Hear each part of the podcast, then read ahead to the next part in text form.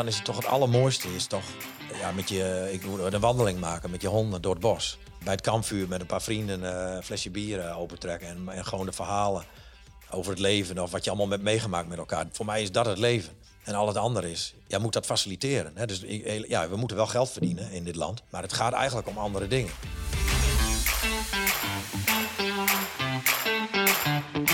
Dit is Wordt Groter, een podcast van FC Groningen. Over groei, over het leven, over mensen. Mijn naam is Maarten Siepel. En ik ben Wouter Holsappel. In elke aflevering vertellen we een bijzonder verhaal. Er is één gemene deler. De persoon die wij spreken heeft een connectie met FC Groningen. En vanuit het stadion van FC Groningen, het eh, prachtige Hitachi Capital Mobility Stadion, met uitzicht op het veld, spreken wij in deze aflevering met Marcel Romein. Marcel, welkom. Dankjewel jongens. Kan je als allereerst misschien even vertellen, uh, ja, wat over jezelf vertellen? Nou, ik ben uh, Marcel Romein. Uh, ik ben 45. Ik woon in, opgegroeid ook in omgeving Roden. Ik ben vader. Ik ben bonusvader. vriend, man. ondernemer. En coach, mentor voor ondernemers. Marcel Romein is directeur groot aandeelhouder van Harry van Kozijnen uit Slochteren. Hiervoor had Marcel een eigen bedrijf waar hij verkooptrainingen gaf, op geheel eigen manier. In eerdere jaren werkte Marcel heel lang zelf in de sales, onder andere een lange tijd bij SKK Kozijnwacht uit Assen. In onze introductie uh, zeggen wij ook dat de, de, gast die wij uitnodigen ook een connectie heeft met FC Groningen. Uh, wat is jouw connectie met de club? Uh, nou, ik ben een voetballiefhebber. Ik heb uh, ja, de, de, de eerste de contacten uh, in mijn slaapkamertje, een roze radiovarkentje, luisterde naar Henk Kok. de Europa Cup wedstrijden en de, en, en de sfeer. Later ga je naar het stadion. Je gaat zelf voetballen. En zodoende ook hier in de jeugd gespeeld. En, en ja, voor mij is de Groningen wel de club in het noorden. Alhoewel ik niet helemaal eenkennig ben. Maar goed, ja, je, je draagt er toch wel een warm hart bij. En, uh, en, we ondernemen nu in de regio. En de verbinding die dat geeft, denk, ik, vind ik wel belangrijk om dan, om, om dan ook hier nou ja, je, je, je bijdrage te leveren. Ja, je zegt het zelf, je, je hebt ook in de jeugdopleiding bij FC Groningen gezeten. Over welke periode praten we dan?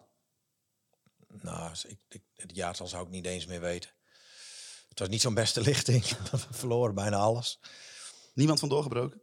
Uh, ja, ik denk dat Lucien Saitapi is denk ik de enige, zo even uit mijn hoofd, die nog uh, serieus betaald voetbal heeft gespeeld. Uh, bij Veendam. En verder is iedereen denk ik wel, of veel zijn wel uitgewaaid, hoofdklasse trainer geworden. maar nee, het mocht, was niet, nee, ik denk niet dat het de meest succesvolle lichting was. En wat voor voetballer was je dan zelf? Uh, vrije verdediger. Uh, ja, verdedigende middenvelder, laatste man. Ja, want eh, als je dan kijkt naar die periode, je zegt het zelf ook van, nou, het was niet de beste richting bij FC Groningen. hoe zat het dan met je eigen voetbalkwaliteiten? Ik denk dat het talent er wel was. Ik denk dat ik daar wel de, zeg maar, de eerste aanvaring met mezelf heb gehad. Dat ik eigenlijk wel later dan kon concluderen dat ik daar gewoon mentaal helemaal niet klaar voor was. Hoe oud is zich dat dan? Nou, aanpassingsproblemen. Uh, uh, nou ja, waar je dan later achter komt, is dat je eigenlijk niet je eigen leven leeft. Hè. Dus ik had niet de regie over, over mijn eigen keuzes. Nee, ik, ik, ik, wilde het misschien ook wel, omdat iemand anders het heel graag wilde, dat voetballen. En dat is op zich logisch, hè, dat je ouders daar ook heel erg actief mee bezig zijn. Die zijn natuurlijk ook trots op. Alleen ja, misschien ging dat soms wel eens wat te ver. Maar ik denk dat het ook te maken heeft met je eigen ja, ontwikkeling als hoe je als jeugd, hoe je bent opgevoed. En hoe je, hoe je daarna, zeg maar, als hoe je zelf gestekkerd bent, keuzes maakt. Nou ja, dat waren denk ik niet altijd de juiste keuzes. En ja, de mentale weerbaarheid op dat moment was gewoon niet genoeg om uh, daar uh, om je staande te houden. Hè? De vrijheid die je had, wel of niet naar school. je moest elke dag getraind worden. Ik moest met de bus naar Groningen, s morgens vroeg. En ik was s'avonds om acht of negen uur thuis. Nou ja, de voormalige verzorger Henk Hagenau die nam ons wel vaak mee uh, naar huis. Hè. Dat was dan een voordeel. Maar goed, daar waren zulke lange dagen. En op een gegeven moment dacht ik, ja, mm, en ik was niet zo'n wonder op school. Uh, dat vond ik niet zo leuk. Dus ja, uiteindelijk maakte ik dan uh, verkeerde keuzes door bijvoorbeeld de school uh, niet meer serieus te nemen. Nou ja, daar waren ze hier niet zo van gediend. En voelde je dan, er was dan heel erg veel, veel druk op je schouders. Kon, kon je dan inderdaad dat, dat en voetbal en school niet goed met elkaar combineren? Nee, nee, nee. Maar op dat moment heb ik de eerste ervaring ook gehad dat als je bijvoorbeeld jezelf een doel stelt en je maakt dat heel belangrijk voor jezelf, uh, en je bent er dan, ja, weet je, je bent nog steeds dezelfde jij. Dus wat ik ervan verwacht had en, en hoe je daar vervolgens de, de druk die je daarmee jezelf oplegt, ja, die, die ging denk ik ook niet uh, ten goede aan mijn prestaties. En nou ja, wat dan in je voordeel spreekt, is dat ik had, vlak daarvoor hadden wij met de Drentse Jeugdzaal uh, Nederlands kampioenschap en uh, scheurde ik mijn kruisbanden. En dat was net voor, ja, net voor aanvang van het seizoen. Dus ik maakte ook een enorme valse start. En om dan terug te komen, ja, dat was dat. Kijk, bij Rode ben je gewoon gewend dat je een van de betere spelers bent. En dat gaat allemaal heel gemoeilijk, zijn allemaal vrienden. Maar op het moment dat ik hier weer terugkwam, of dreigde te komen, ja, daar was degene die op jouw plek ook stond. Hè, die wist daar natuurlijk wel raad mee. En dat is ook prima, maar dat hoort bij het spel. Alleen dat was ik helemaal niet gewend en ik kon daar ook helemaal niet mee omgaan. En in die periode voordat je überhaupt uh, bij FC Groningen voetbalde en hier ook naar school ging, hè, je, bent, je bent opgegroeid in Herrevoetsluis in eerste instantie. En ja. rond je achtste ging je dan naar Rode toe Ja. in Drenthe. Hoe was het überhaupt om op die leeftijd van het westen eh, van de land naar het noorden te gaan? Eh, nou, in het begin best lastig, want eh het het mentaliteitsverschil moet je wel even overbruggen. Dus ik heb wel ouders die uit het noorden eh, eh, komen, ook dat zijn op, opgegroeid. Maar ik natuurlijk niet. Dus daar was alles wel iets eh, sneller, feller. eh ja, was toch wel, wel, wel, wel gebruikelijk om iets meer voor jezelf op te komen. Ja, en ik kwam in een heel klein, ja, relatief kleine school in een, in een dorpje in Drenthe, waar iedereen, waar, ja, bij wijze van spreken nog geen verkeersleg was. Ja, dus dat was wel, eh, ja, dat was soms wel eens even lastig. Ja, Je zei ook van dat je op, op school niet echt een, een heel groot wonder was. Ja het niet meer naar school willen en het zoeken naar uitwegen om gewoon niet meer naar school te hoeven, omdat ik dat gewoon niet prettig voelde op die school. Eh, ja, dat, dat, eh, dat, was, dat sprak dan niet in je voordeel. Hè? Dus uiteindelijk hebben ze daar hier ook natuurlijk wel, eh, heb ik wel wat gesprekken met hun gevoerd. Over dat het toch wel zaak is dat je je school serieus neemt om hier ook te kunnen blijven. Maar dat was gewoon geen. en dat bleek later ook wel, want ik ben toen naar het Werkmaakcollege gegaan. Nou ja, dat was. En eh, samen met die jongen die toen ook eh voetbalde, nog ook uit de Rode kwam. Maar dat was eh, ja, ook veel te veel vrijheid. En ja, dat was gewoon niks voor mij toen. En hoe komt het, denk je, dat je, dat je dan zo erg misschien smachtte naar die vrijheid? En dat je je niet optimaal kon concentreren op zowel en het voetbal genoeg en op school? Ja, dat, dat, dat kom je natuurlijk pas later achter. Hè? Want je, ik heb me altijd al wel een beetje, eh, eh, ja, ook niet te zwaar maken, maar een beetje onbegrepen gevoeld. Omdat ik heel veel dingen eh, van de andere kant altijd zag. Ehm, en, en dacht, ja, waarom doen we nou zo moeilijk? Want als je dat toch sowieso doet, of be- bepaalde uitleg over dingen. Nou, hier zit ook zo'n een tegenstrijdigheid in, in, in, de, in de naam van de podcast. Al, al- althans, wij denken daar voor mij hetzelfde over, als we het hebben over Groningen en ik. Maar, eh, maar, maar groei staat vaak voor groter. En meer en veel en vaker. En, en, en ik denk juist heel andersom. Ja, dat, dat, en in het begin krijg je daar niet, niet veel medestanders van. Alleen, kijk, waar ik achter ben gekomen, en daar moet je natuurlijk wel eh, een beetje moeite voor doen en de hobbelige weg op een gegeven moment gaan kiezen.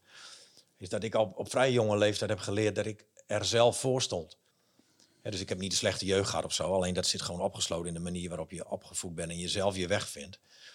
En ik dacht, ja, oké, ik moet het dus allemaal zelf doen. Maar dan wil ik dus ook mijn eigen route lopen. En die eigen route was niet eh eh MAVO, HAVO en dan verder. Ik had daar heel andere ideeën bij. En eh, ja, hoe harder je tegen mij zegt van ja, dat gaat je toch niet lukken. Ja, dan, dan, dan, dan gebeurt er iets waar- waarvan ik denk, oké, ja, nou ja, dat zal dat jij dat vindt, maar het gaat mij wel lukken. Nou ja, en dan, ja, dan, dan ga je, de, ga je het pad bewandelen van vallen en opstaan. Nou, en dat vind ik nog steeds wel een goed pad. Als je ook maar gewoon eh, uiteindelijk de, de schade die je maakt, de brokken die je maakt, dat je die gewoon opruimt. En als je één keer eh, vaker opstaat dan je valt, ja, dan, eh, dan is dat verder prima. Alleen ja, dat, ja die, in die wetenschap was je vroeger nog niet. En dat, ja, dat botste natuurlijk wel eens. Want uiteindelijk hoort het natuurlijk zo dat je naar school gaat. En je hoort goede cijfers te halen, je hoort je huiswerk te maken. En ik deed dat gewoon niet. Ik kon me daar gewoon niet toe zetten. En hoe deed je dan dat vallen en opstaan op, op die jonge leeftijd al op, bij, de, bij het Werkmancollege? Had je dat al toen al door? Nou, ik denk dat ik toen vooral aan het vallen was, omdat je, je zoekt een uitweg om, eh, om niet naar school te hoeven. Eh, en, en, en ga je nadenken over, nou, laat mij maar gaan werken. Alleen ja, daar heb je ook met ouders te maken. Die zeggen, ja, maar komt dat allemaal wel goed? En die proberen jou toch een beetje te duwen in het, in het, in het ja, wat 80% van de wereld wil. En dat is gewoon dat routetje lopen. En, maar ja, ik kon dat toen natuurlijk niet onder woorden brengen. Maar ik wou dat niet. Althans, niet op die manier. Ik wilde wel naar school. Uh, maar ik wilde graag les hebben uh, in de praktijk. doe het mij voor en ik doe het na. Laat het me zien en ik snap het. Maar dat is natuurlijk niet het, uh, nog steeds niet, denk ik, het schoolsysteem. Alhoewel daar natuurlijk wel wat ontwikkeling in zit. Ja, dus, dus ja, dan, dan, dan loop je gewoon tegen de muur. Want dat is gewoon het systeem. En als je niet naar school gaat, word je weggestuurd. En toen kon dat nog. Dus ben ik gewoon gaan werken. Van alles en nog wat gaan doen. Schoolgeld moest terugbetalen. en uh, ja, dan vind je je weg wel of zo. Ja, ik heb me daar nooit echt zorgen over gemaakt. Maar wel be een bepaalde horizon voor mezelf. Ge Waar ben je dan op dat moment mee bezig in je hoofd, zeg maar? Ja, je moet, je moet werken, ja. Ja, maar ik snapte wel al heel goed. Um, uh, ik, ik kon vrij goed de mensen om me heen scannen waarvan ik dacht, oké, maar dat wil ik wel. Nou, en dan ging ik ook wel vragen van, goh, uh, wat doe je, waarom, hoe gaat dat dan? En uh, ja, dan ga je gewoon wel voor jezelf een bepaalde route uitstippelen, waarvan je dan nog helemaal niet weet waar je het over hebt, overigens. Maar ik had wel vrij snel in de gaten dat het mij niet ging gebeuren als mij de kans gegeven was. Ja, ik bedoel dat ook niet verkeerd, maar ja, in, in mijn hele leven lang in loondienst eh, bij een bedrijf die feitelijk alleen maar gebaat is dat je komt eh, om te doen wat je doet. En als het erop aankomt, even heel hard gezegd, er zijn natuurlijk wel uitzonderingen, maar in principe ben je dan gewoon een slaaf van het systeem. En daar heb ik nooit in geloofd. Uh, dus, uh, en in loondienst prima, hè, begrijp me niet verkeerd. Maar dan nog vind ik dat er wel heel veel mogelijkheden zijn om, en dan, als je het over groeiende ontwikkeling hebt, om, om als mens gewoon wendbaar te zijn. En wat ik daarmee bedoel is dat je een soort soorten met van onafhankelijkheid creëert van eigenlijk alles waar je invloed op hebt. dus zelfs zover dat je bijvoorbeeld van je inkomsten niet meer afhankelijk zou zijn van een baan. Als je baas tegen je zegt, veel plezier ermee. Als jij nu niet doet wat ik je zeg, dan ga je, krijg je ontslag. Ja, zeg ik, prima, weet je, dan ga ik weg. Uh, en dan kon je het soms ook niet altijd zeggen natuurlijk. Maar goed, ik had er dat moment wel vertrouwen in dat, het, dat ik mijn weg wel weer zou vinden. Ja, want uiteindelijk, hè, je, je, als ik het goed begrijp, had je je school ook niet afgemaakt. En, en ging, je, ging je werken bij een bedrijf in Assen. Ja. Uh, hoe, hoe, hoe zag je op dat moment je leven en je toekomst dan een beetje voor je? Want je zei, je zei al van, hey, ik ga een beetje werken hier en hier. Uh, je komt dan bij dat bedrijf in Assen terecht. Uh, ja, hoe stond je er toen voor, voor jezelf? Nou, toen had ik de schade wel... ik had best wel wat brokken gemaakt. En ik had wel wat mensen in mijn omgeving die mij goed geholpen hebben en die dat ook zonde vonden. En die zeiden, ja, er zit natuurlijk wel wat in. En op dat moment had ik aan de ene kant wel het idee, oké, ik wil niet die, die, die, die slaaf van het systeem worden en ik wil graag onafhankelijk worden. Aan de andere kant zat ik ook gevangen in, de, ja, in, in, in dat wat nog steeds wel een beetje te doen gebruikelijk is, dat je, de, dat je het leven krijgt van, oké, je krijgt een baan en dan ga je 1000 euro verdienen, dan ga je 1500 en zo verder. En dan heb je, begin je met een polo en, en dan ga je naar de golf en dan ga je een Passat. En dan ga je van je studentenhuis naar een, naar een tussenwoning en zo verder. Vrijstaande woning. En uh, ja, dat ging, eigenlijk ging dat wel hartstikke goed. Al, uh, wat deed je toen op dat moment precies voor werk? Voor werk? Ik, ik begon daar op de planning. Uh, totdat ik het ja, in mijn hoofd kreeg om heel veel kritiek te leveren op de, op de uiteindelijke eigenaar van het bedrijf. En ja, die, die heeft mij in zijn kamer geroepen destijds. Dus ja, wat zou je ervan vinden als jij hier de verkoop in ging? Ah, toen zei ja, weet ik niet of ik nog wel voor jou wil werken. Uh, maar dat meende ik natuurlijk helemaal niet. Maar ik dacht, ik dacht natuurlijk van ja, nou ga ik uh, eruit. Ja, want hoe oud was je überhaupt dat, dat, je, dat je dat durft dan eigenlijk op dat ja, moment? Poef, uh, half twintig of zo. Want dat, dat, dat is toch, ja, nou ja, ik, ik vergelijk een beetje met mezelf. Ik zit ook nog in mijn, in mijn jaren. Dan, je moet het maar even durven om tegen je baas te zeggen van ik vind het niet goed zoals het zo en zo gaat. Nee, maar op dat moment was dat gewoon mijn gevoel dus ik vond het ook. Ik vond er ook daar wat van. En of dat nou waar is of niet, dat doet er niet zoveel toe. Uh, iedereen heeft eigenlijk altijd gelijk, uh, zou je kunnen zeggen. Maar hij heeft dat wel gewaardeerd. Hij vond het tegengas wel mooi. En op een gegeven moment ja, kon ik daar in de verkoop beginnen. En dat was wel een beetje mijn ding. Dat vond ik ook leuk en haalde ik energie uit. Alleen ja, in zo'n functie. eh, en nou, stel voor als je het ook nog eens goed doet. En, en het ging me op zich vrij goed af. Ja, dan op een gegeven moment dan eh, ga je. eh, als je dan het idee al hebt van oké, ik moet het dan ik moet het zelf doen, maar ik wil het ook zelf doen. Eh, op een gegeven moment ga je ook nog in jezelf geloven.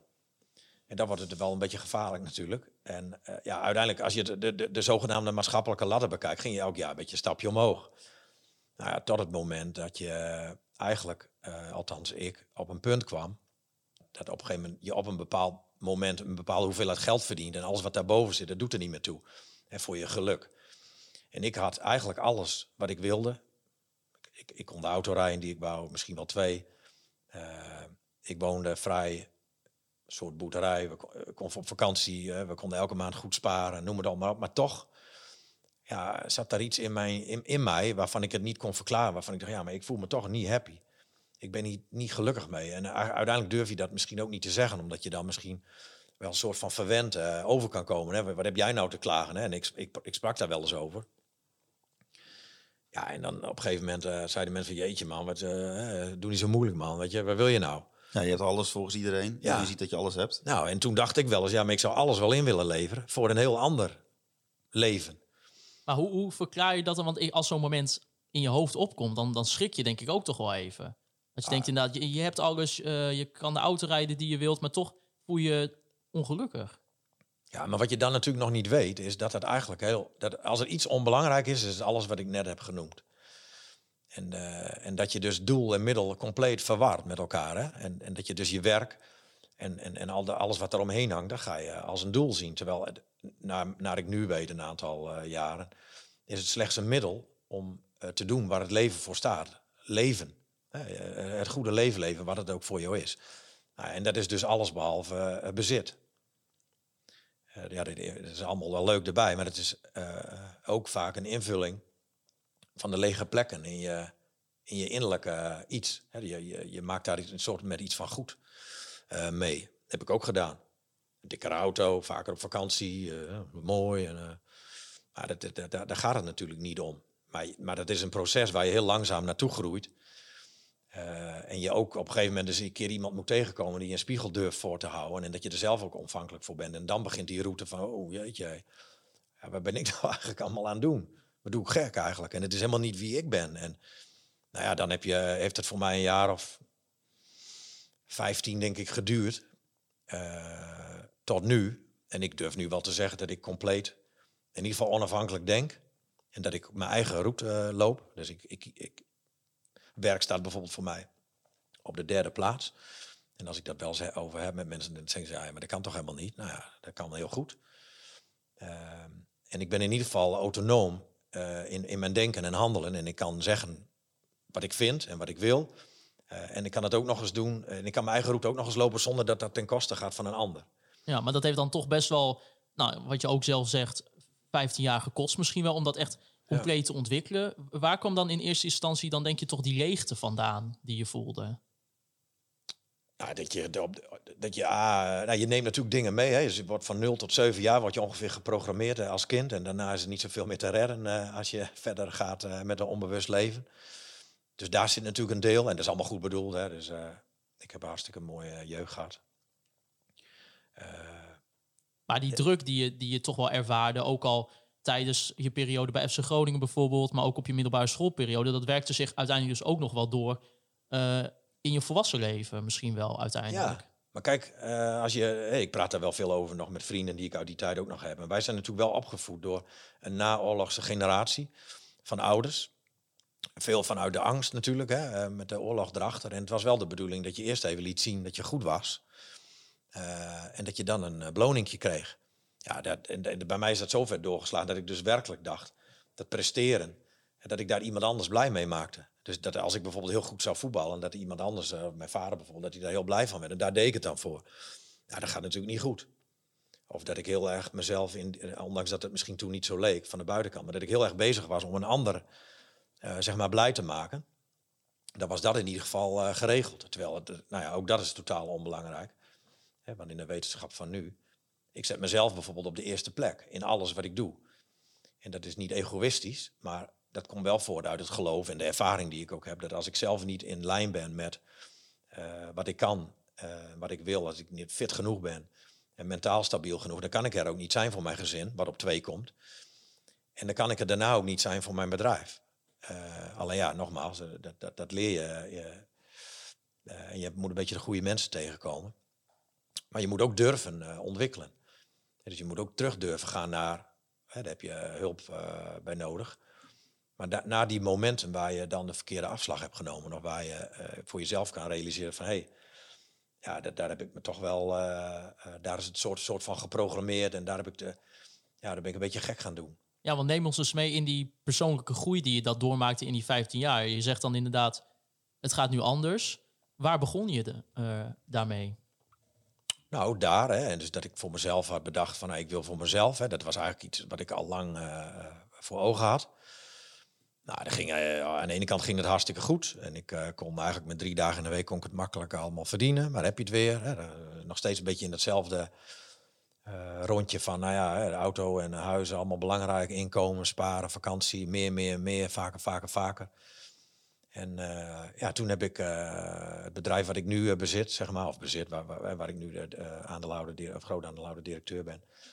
Daar kwam ik, werd ik gevraagd voor een klus want zij, eh, de, ik had toen ook wel een vrij sterke visie en dat sprak ook wel aan, dus ik had aan werk ook geen gebrek. Misschien goed om eerst te vertellen wat, wat voor bedrijf het dan precies ja, Harry van Kozijnen in, in Slochteren. En daar hadden ze gewoon een probleem. En nou, daar ben ik naar gaan kijken. En toen heb ik eigenlijk gewoon vanuit mijn gevoel gezegd van ja, weet je, jullie moeten dat bedrijf verkopen. Aan mij. Ja, en, en dat is nog, dat is ook gebeurd. Op eigenlijk een hele onorthodoxe wijze, heel vriendelijk. Eh, in onderhandelingen, maar ook tegelijkertijd met de start heb ik, nou ja, ben ik van mijn gevoel eh, eigenlijk afgegaan. En dat was terug ook de rode draad. Elke keer als ik bij mijn gevoel bleef, dan ging het goed. En ging ik van mijn gevoel weg, als het ware. Of wist ik eigenlijk wel, waar, kan eigenlijk niet waar, maar toen maar doe ik toch. En dan ging het dus niet goed. En in dat bedrijf en, en, en bij de overname toen heb ik mij ook laten verleiden om een, uh, een in dit geval een partner uh, te kiezen. Uh, wat eigenlijk niet, niet super goed voelde. Ook niet slecht, hè, want we waren, het had best wel eh, succesvol kunnen zijn. Maar we zaten in, in, in missie en visie zo ver uit elkaar dat dat ja, ook niet goed kon gaan. Dus dat is ook geëindigd. Allemaal prima, vriendelijk. Aandeeltjes weer teruggekocht en, en, vervolgens ga je solo verder. Maar daar kwam voor mij wel het, het allereerste besef dat het eigenlijk uh, het allerbelangrijkste is dat je vanuit je missie, visie en kernwaardes, welke dat ook zijn, gaat leven. En dat je daar dus naar op zoek moet. En dat je dan pas je groei kunt doormaken.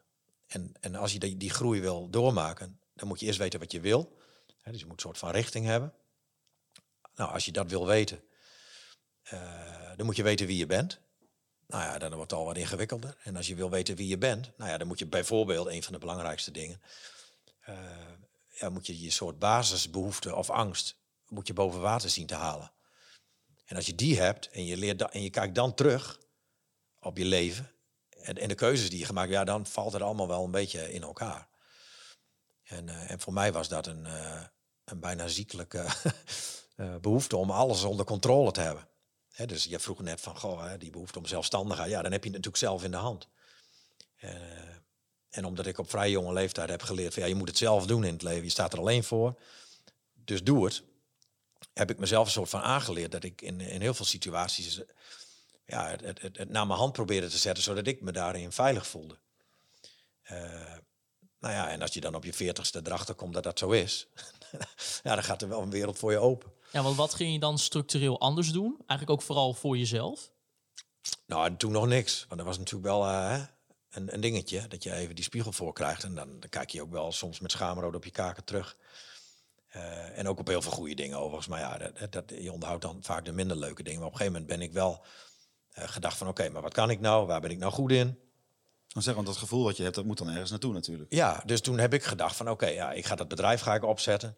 Nou, en ik had al een aantal dingen verder geleerd, ja, als in hè, het opzetten van een onderneming, mijn visie van verkopen. Uh, dus uh, eigenlijk is verkopen heel simpel. Het is ruilen van oplossing voor geld. die oplossing is nooit het product of het dienst dat je levert. dat, is mijn, dat is dan even mijn waarheid nu. Ehm, en als je je bedrijf opzet, is het eigenlijk handig om, nou ja, misschien niet direct, omdat het misschien niet kan, maar het is, het, is, het is goed als het je lukt om dat bedrijf zo op te zetten dat je compleet afhankelijk ook kunt zijn van, die, van dat product of die dienst. En dat klinkt misschien een beetje gek, maar hoe wij dat bij Harry van gedaan hebben, of ik, en daar hebben we wel vijf jaar over gedaan en we, hebben, we zijn er ook nog niet.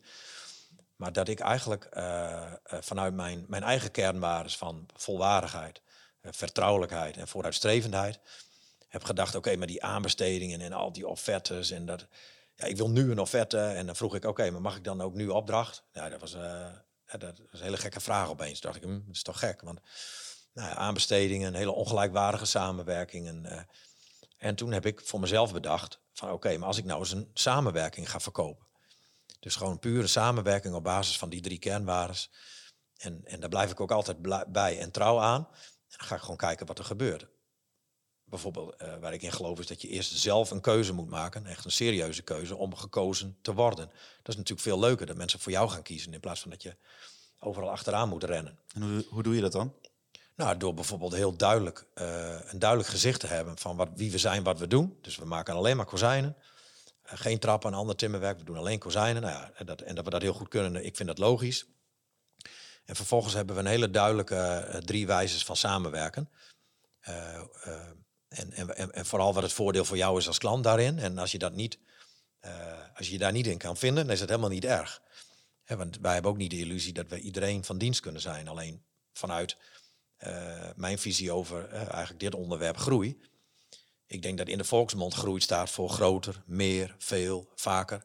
En ik denk juist andersom. Ik denk dat, dat, dat, dat groeien juist uh, echte, echte groei is groei die je niet kunt zien. Dus die, die is niet zichtbaar. Hè. En dat zit in de, in de competenties, in de fundamenten van je bedrijf. Of van je persoon, want dat zit natuurlijk ook weer één op één haakt aan elkaar. Ja, en dat je dan een hele, als je een hele duidelijke doelgroep definieert voor jezelf en je communiceert dat ook. En je hebt daar een hele duidelijke, je benoemt heel duidelijk ook de problematiek in de markt. En je biedt daar ook een hele duidelijke oplossing voor. Ja, dan op een gegeven moment dan gaan mensen zich of afgestoten voelen of aangetrokken voelen, wat prima is. En dan ga je vervolgens kijken van wat is de gemene deler in de aantrekkingskracht. En dat ga je vervolgens verder uitnutten. Je hebt het over die uh, groei en dat dat dus eigenlijk onzichtbaar is. Kun je dat nog iets, iets duidelijker proberen te maken? Waar, zie, waar, ja, het is onzichtbaar, maar hoe kunnen we het herkennen? Hoe kun je het dan herkennen? Nou ja, mis, misschien wel niet. Want uh, ik, ik denk dat groei heel vaak verward wordt met, met, met succes als in geld. He, dus je bent in de volksmond ben je succesvol als je een dikke bankrekening hebt. Uh, als je een dik kantoor hebt, een mooie auto en een huis, een mooie vrouw. Nou ja, die vrouw is natuurlijk wel belangrijk, maar de rest is natuurlijk, daar hadden we net ook al uh, over gehad. Althans, is mijn ervaring, is allemaal gewoon invulling van leegte. Op het moment dat jij niet uh, je relaties op niveau hebt. Uh, dus dus, dus, dus je, de kwaliteit van jouw leven, van mijn leven, dat is één op één verbonden met de kwaliteit van je relaties. En de kwaliteit van je relaties worden weer gemaakt één op één door de kwaliteit van jouw communicatie. En zo kun je heel veel problemen wel oplossen en voor zijn of achteraf constateren dat. Um, en die groei, die zit hem dus in uh, de kwaliteit van je relaties. Ben jij in staat om je kwetsbaar op te stellen en ook een keer toe te geven dat je fout zit? Ben jij, durf jij voor je gezin te kiezen en die storm over je heen te laten komen, dat je minder vaak aanwezig bent op je bedrijf? Uh, bijvoorbeeld of niet op de momenten dat het personeel het verwacht of anderen het verwachten, omdat het altijd zo gaat. Uh, dat je je fundamenten goed onderhoudt, wat in feite niet zichtbaar is, maar wat wel belangrijk is. dat je persoonlijke groei, hè, wat niet, hoe je cognitief leert, uh, nou ja, fysiek en mentaal kun je het wel uh, merken, denk ik. Maar het is niet zozeer iets wat aan de buitenkant te zien is, in eerste instantie. En, maar doordat je dat wel van binnenuit begint, en dat is een hele lange route, is het voor heel veel mensen misschien aan de buitenkant ook niet altijd direct zichtbaar. Waarvan ze denken, ja, maar wat doe jij allemaal rare dingen? En, nou ja, wat bij ons ook actueel is, dat eigenlijk alles zich wel goed ontwikkelt. Alleen eh, resultaatwijs er, er nog wel wat te halen valt bij ons. Alleen ik heb dat vertrouwen, 100%, dat dat binnen nu en twee jaar gaat komen. En dat de vliegwel dan ook gewoon echt blijft vliegen. Omdat we niet voor de korte termijn uh, uh, gaan en we echt iets neerzetten waarvan ik althans het geloof heb dat het op lange termijn ook rendabel is. en ook zonder specifiek mijn, mijn persoon. dus dan heb je het weer over afhankelijkheid. ik denk dat een gezond bedrijf ook onafhankelijk moet zijn van een directeur of een eigenaar. want anders dan kom je er A nooit los van, maar dan nou ja, die je zelf misschien ook wel een te belangrijke rol toe. Want je kunt namelijk nooit overal goed in zijn. Uh, nou ja, en dan kom je weer op dat doel en middel. en dat is ook wel de les die ik geleerd heb. En, en waar ik het nu om me heen zie van ondernemers die veel succesvoller zijn dan, eh, dan ik. Ja, die hebben dat heel goed voor elkaar. En die hebben hun, hun, hun, hun, hun doel op een veel hoger gelegen niveau als puur het werk en het bedrijf. En dus die, die, Heb je daar voorbeelden van? Nou ja, kijk, als je, stel voor als je ook gelooft dat het, dat het doel van het leven gewoon voluit leven is. En dat je blij en gelukkig moet zijn. eh, en dat kun je dan zijn omdat je eh, eh, in één, dat je, ja, dat je één bent met jezelf. Van, van wie ben je nou? Ben je, ben je blij met jezelf? Ben je altijd eerlijk naar jezelf? Nou, dat, dat, dat is natuurlijk wel lastig. Maar dan, dan is het toch het allermooiste, is toch ja, met je, ik doe een wandeling maken met je honden door het bos. Eh, bij het kampvuur met een paar vrienden eh, een flesje bier eh, opentrekken en, en gewoon de verhalen over het leven of wat je allemaal hebt meegemaakt met elkaar. Dat is toch, voor mij is dat het leven. En al het andere is, eh ja, moet dat faciliteren. Hè? Dus ja, we moeten wel geld verdienen in dit land. Maar het gaat eigenlijk om andere dingen. En daarom, ik heb ook wel eens gesprekken met, met mensen die heel dicht bij me staan. En die ze, zeggen, hoe gek is het bijvoorbeeld, om even een voorbeeldje te geven, misschien wel herkenbaar, dat je thuis komt en dat je dat ellendige scherm voor je neus houdt tijdens het eten. En dat een van jouw kinderen vraagt van, goh, eh, nou ja, papa, heb je, eh, eh, weet je hoe mijn spreekbeurt gegaan is? Het feit dat je het al vergeten bent is natuurlijk al best wel gek. En dat je dan zegt, ja, moet je even wachten hoor, want ik heb een heel belangrijk mailtje. Oh, telefoon gaat ook trouwens, papa is werk, heel belangrijk. Ja, dat is eigenlijk, als je er goed naar kijkt, is het natuurlijk, ja, ridicuul. Ja, want eh, toen we hier eh, elkaar eh, aantroffen beneden voor het stadion, toen zag ik ook geen standaard huidige telefoon in jouw handen. Nee, maar dat is ook een beetje afzetten, klein beetje. Nou, ik, ja, ik wil gewoon baas zijn. hè, dus als we het hebben over wendbare mensen en over wendbare bedrijven. En, dat, nou ja, en wat, ik ook wel, wat ik ook wel zie, is dat dat nu ook echt nodig is. Dus het is niet meer de grote die de kleine opeet, maar de, maar de, de snelle die de langzaam eh, verschalkt. Eh, denk ik dat het een goed streven is voor ieder mens. En daar probeer ik ook wel in te inspireren. Dat je gewoon baas bent over je eigen leven. Over je eigen tijd. Over je telefoon. Jij bent de baas over dat ding. Er zit een oude Nokia. Dus ik heb nou een oude Nokia. Ja, wel mooi, eh, Hij belt wel. mooi ding. Ja, dat is, een- ja en sms'en. en Snake. Snake zit eraf, leuk. Nee, maar dat is, eh, ja, ik heb dat ook nodig, omdat ik gewoon weet dat als, als die telefoon wel binnen mijn bereik is, dan weet ik gewoon dat ik afgeleid ben. En ik weet ook dat ik dan ja, het risico loop om, eh, om thuis aan tafel eh, eh, afgeleid te zijn van het belangrijkste wat je hebt. Gewoon de avondmaaltijd samen.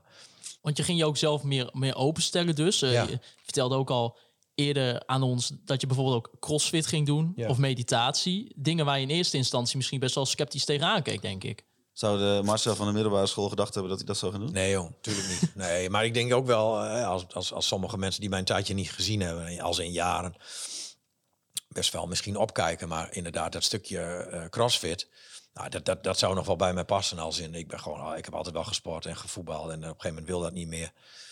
eh, op het niveau wat je wilt. Eh, en, en, maar crossfit bijvoorbeeld, wat ik daar heel mooi aan vind, is, is de feedback van de stang, hè, noemen ze dat. En gewoon zware gewichten tillen en gewoon 40 minuten een bepaalde oefening moeten doen. En je weet dat je hem af moet maken.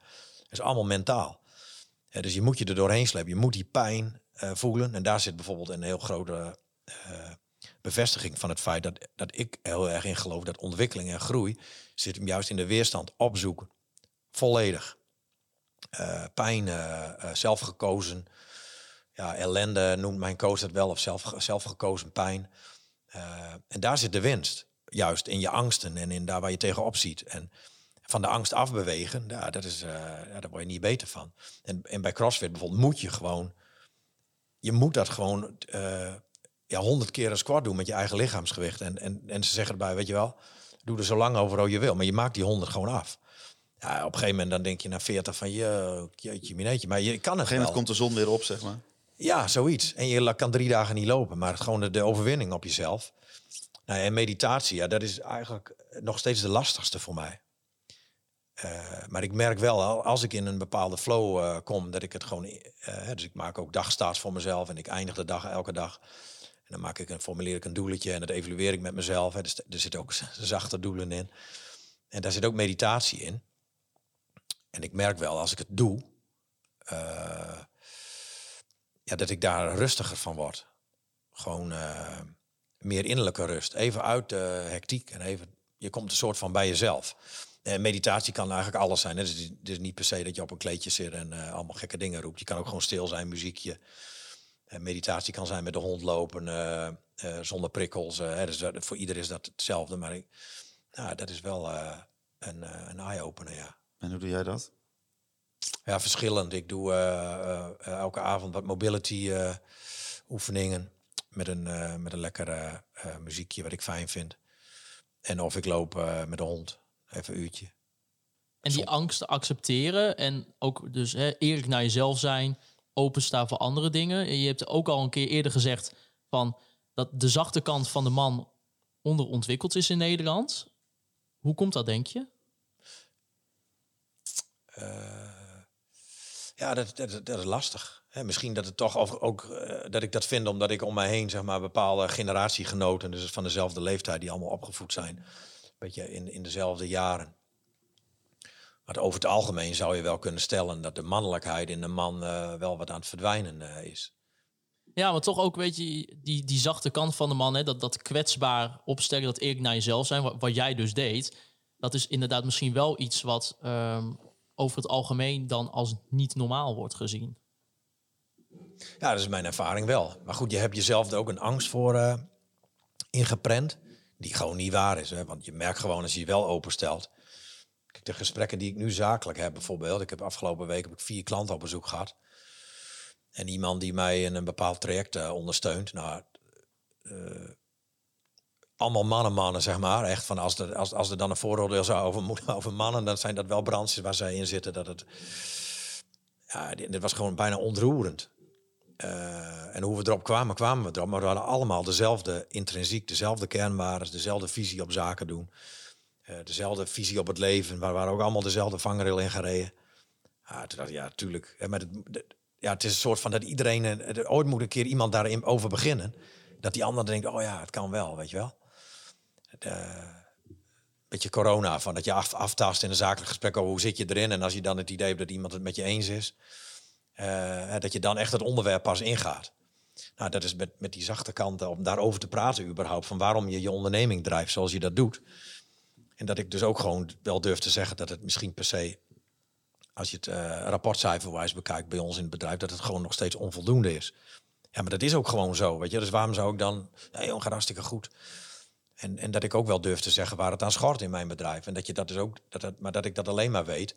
omdat ik weet wat er in mijn persoonlijkheid zeg maar zit. Wat mij dwars zit.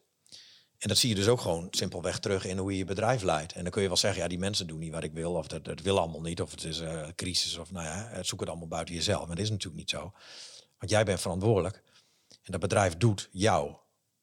Zonder dat je dat zelf misschien door hebt of dat je er bewust van bent. Maar de problemen die, of de hobbels en de ontwikkelingen die je maakt, zowel positief als negatief, dat komt gewoon vaak ook voort uit jouw eh, nou ja, onderontwikkelde of juist goed ontwikkelde eh, persoonlijkheden. Maar ik denk dat het kiezen voor jezelf en voor je gezin dan ook, dat brengt ook wel risico's met zich mee. Zeker vanuit het wereldje waar jij stapte, waar heel veel geld eh, zat en waar het steeds meer, meer, meer was. Dan als je dan kiest om dat anders te doen, dan zitten daar ook risico's aan verbonden, denk ik. Ja, zoals? Nou ja, de- dat je besluit om meer voor je gezin te kiezen, ehm, dat het eventueel financiële gevolgen heeft. Ja, maar dan kom je op een punt. Dat, eh, kijk, als jij voor jezelf, ehm, als jij je missie en visie helder hebt, gewoon dit wil ik in mijn leven. Dus ik kies, dus dat wil ik niet meer. Ja, dan is dat helemaal geen issue meer. Dan kun je gewoon accepteren dat je bij wijze van spreken geldloos zou zijn. Omdat je weet dat dat, nou ja, je kan vast wel ergens werken. Maar eh, andersom is veel vervelender. Dat je een, eh, een- bedrijf hebt die gammel is, maar wel, wel, wel geld verdiend wordt. Maar je gezin zegt, weet je, veel plezier met- je leven, maar eh, eh, eh, trouw jij maar met je bedrijf. Dat, dat is natuurlijk, tenminste, als, als je het mij vraagt, dat veel erger. Of dat je een ziek, een, een- ziek lijf hebt met een, met een uitgebluste geest. Nou, dan, dan heb je nog wel een uitdaging te gaan. Dus, maar dat moet je wel eerst ervaren. En daar heb ik natuurlijk ook niet, niet zomaar opeens of zo. het zijn niet allemaal mijn wijsheden, maar het is wel wat ik geleerd heb. En waarvan ik wel vind dat het dat ik hoop dat je mensen daarmee kunt inspireren om ook gewoon eens op een andere manier naar eh, het vak ondernemen of naar je leven te kijken. En zorg er nou maar gewoon voor dat je regie hebt over over alles waar jij zelf invloed op hebt, zonder dat er een heel ingewikkeld verhaal wordt. Doe je dat actief? Mensen proberen te inspireren met hoe jij naar de dingen kijkt? Ja, soms wel, ja. Ja, ja vooral als je met de ondernemer zelf aan tafel zit. Hè. Dus dat is, ik, ik zit natuurlijk vaak aan tafel met de eigenaar van een bouwbedrijf of een eh, ontwikkelaar of een, eh, een, eh, een, een andere belanghebbende. En daar hebben we het wel vaak over, over, over dit soort dingen. Ja, en dan.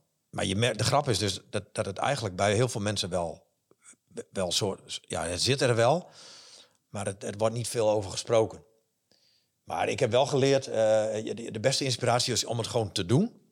En mensen niet actief over te halen. Hè? Want dan, ja, dat is ook wordt een beetje vervelend Ja. dan. Ik, ik voel mezelf niet een of andere voorbeeld of zo. Alleen het is wel leuk om eh, mensen gewoon uit te dagen om voor zichzelf te kiezen. Dus ik zeg ook bijvoorbeeld tegen de mensen die bij ons werken.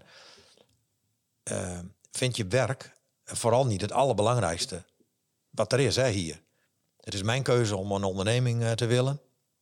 Maar jij moet eerst zorgen dat het thuis, dat je jezelf goed op de rails hebt, dat je weet wat je wil, dat je goed bepaalt dat je hier op je plek bent. En dat je eh, eh, om mij ook thuis zorgt. eh, dat je, nou, breng de kinderen gewoon naar school. eh zorg ervoor dat je bij die toneeluitvoeringen en, en, en zo bent. En plan dat gewoon in in je werk. Dat moet gewoon, dat is gewoon belang, veel belangrijker dan hier. En dat is, was misschien wel even wennen, maar dat, ik vind dat ook echt. Het doel van ondernemen is dat je geld verdient in je bedrijf wat je, wat je feitelijk begonnen bent. En dat je het geld wat je daar verdient, dat je dat ja, hefboomt eigenlijk naar andere bronnen. Waar, het daar gaat renderen voor jou. Dat is volgens mij het spel van ondernemen. En dat is genoeg is genoeg. Dus als ik, als ik daar een bepaalde hoeveelheid, nou ja, nou, bijvoorbeeld geld uithaal en ik kan daar met een bepaalde, of ik kan met een bepaalde inspanning aan in dagen of uren in de week dat leven faciliteren, dan, dan zet ik daar de handtekening onder. En dan ga ik dat ook echt doen. En dan ga ik niet meer eh, meer, meer, meer. Want dan is de vijver namelijk nooit vol. Hè? Dus als je denkt dat, je, dat het nooit genoeg is, ja, dan heb je ook nooit genoeg. En daar moet je dus bewust van zijn. Want ja, ik heb het wel, ik heb wel zo geleefd. Ah, dat is best vervelend. Want ja, want na die auto komt er weer een auto. En, en, eh, en, na- en na die vakantie wil je nog een keer weer. En wil je verder. En dan wil je twee keer per jaar. En dat is allemaal, het is allemaal leuk. Maar het, het is niet dat wat je leven. Het is gewoon de slagroom of de kers op de taart. En, en als de basis niet op orde is, is het allemaal niks, eh, is het niks waard. En dan kun je er ook echt van genieten, denk ik. Eh, ja, dus ik, dat, dat, dat is Rome voor ons. En daar zijn we het ook over eens. Hè. Dus we, we bespreken dat ook gewoon samen. Eh, maar goed, er moet dan wel wat voor gebeuren. Nou, wij willen je daar in ieder geval heel veel succes mee wensen met die eh, reis naar Rome. Ja, dankjewel. Wij willen je ook bedanken dat je je eerlijke verhaal wilde doen. En over persoonlijke groei. Ik denk dat dat ook voor heel veel mensen die hier naar luisteren, dat het inspirerend kan werken om toch eens ook anders te kijken naar jezelf, überhaupt. Ja, dat denk ik, hoop ik. En jullie ook bedankt. Hartstikke leuk. Ja, en ik wil natuurlijk iedereen bedanken voor het, eh, voor luisteren. Wederom naar Word Groter. Word Groter is een productie van KVM Media in opdracht van FC Groningen. Tot de volgende keer.